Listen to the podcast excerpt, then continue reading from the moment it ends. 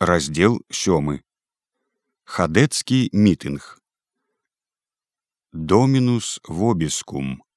Пан бог з намі. Ксяндзоўская праз нейкі час меў я такі гонар.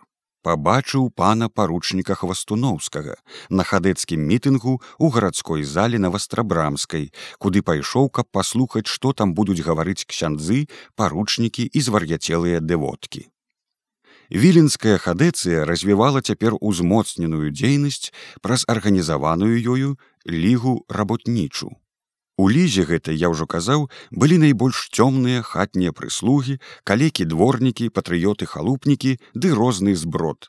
Але ксяндзы выстаўлялі сваю гвардыю як цвет віленскіх рабочых як найлепшых прадстаўнікоў польскага пралетарыяту з помпаю рабілі розныя рабоча-хрысціянскія працэсіі і вось такія мітынгі паручнік хвастуноўскі сядзеў у прэзідыуме я не звярнуў бы на яго ніякай увагі каб і ён не выступіў з прамоваю.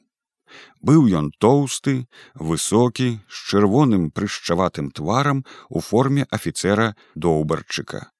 Гэта значыць, што служыў ён у корпусе генерала доўбар мусніцкага і цяпер разам з другімі недабіткамі, калі немцы іх пад бабруйскам разброілі і разагналі, пакаціў у варшаву, а стуль з'явіўся ў вільню і чаго толькі ён не плёў на савецкую рассію і на бальшавікоў. Але гаварыць перад вялікім сходам ён не ўмеў. Сапеў, пыхцеў, мармытаў сабе нешта пад нос, абціраў хустачкаю пот з вялікага чырвонага твару, што быў у яго ўвесь у прышчах ці ў якім скуллі. Спачатку яго трохі слухалі, што афіцэр і такія грамадны, як мядзведь. А потым кінулі слухаць і чакалі, каб ён хутчэй скончыў. Цягнуў ён, аднак доўга галоўнае на што ён напіраў у канцы свае прамовы гэта што ўсё роўна бальшавізм у рассіі скончыцца агульнаю разнёю тады ўмяшаюцца іншыя дзяржавы і навядуць парадак а рускі мужик і рабочы павінен будзе заплаціць ім за тую дапамогу вялікую кантрыбуцыю з іншых прамоўцаў вызначыўся нейкі хударлявы панок што быў казаў родам з-пад оршы Ён апавядаў, што мае ўсяго гектараў 50 зямлі і на гаспадарцы не жыў, а служыў дзесьці ў горадзе.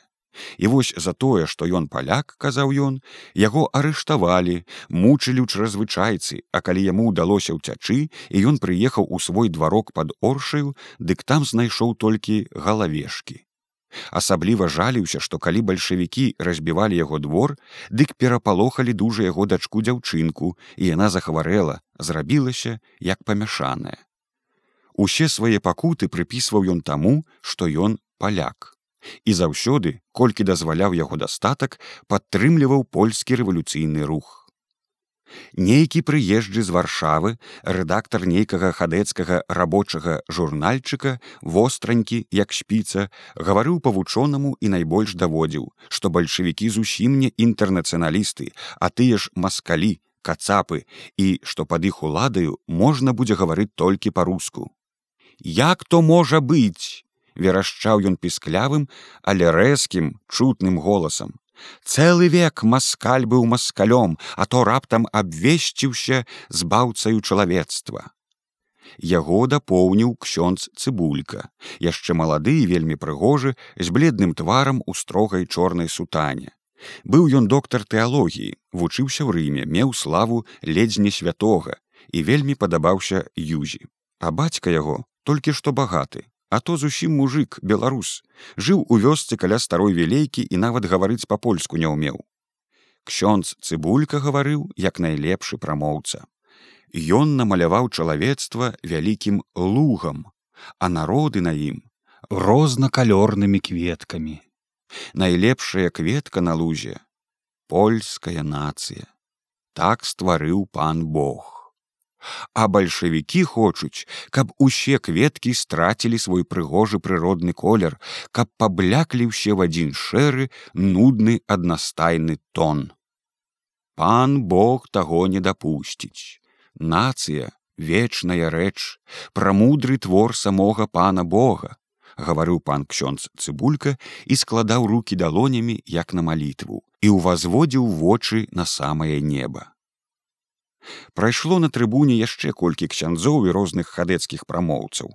Усе яны найбольш палохалі голадам, чаразвычайкаю і ігралі на нацыянальным пытанні.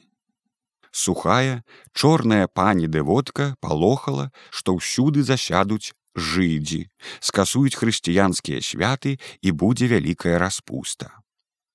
І ўсе яны заклікалі братоў рабочых не верыць анцыхрысту, не ісці ў марксісцкія партыі, трымацца толькі лігі работнічай і праз яе будаваць мацер Польшчу і сваё рабочае шчасце. А галоўнае абходзіць як чуму бальшавікоў і іх гняздо на вароней вуліцы і байкатаваць выбары ў саўдэп, калі б бальшавікі надумаліся рабіць іх і ў польскай вільні.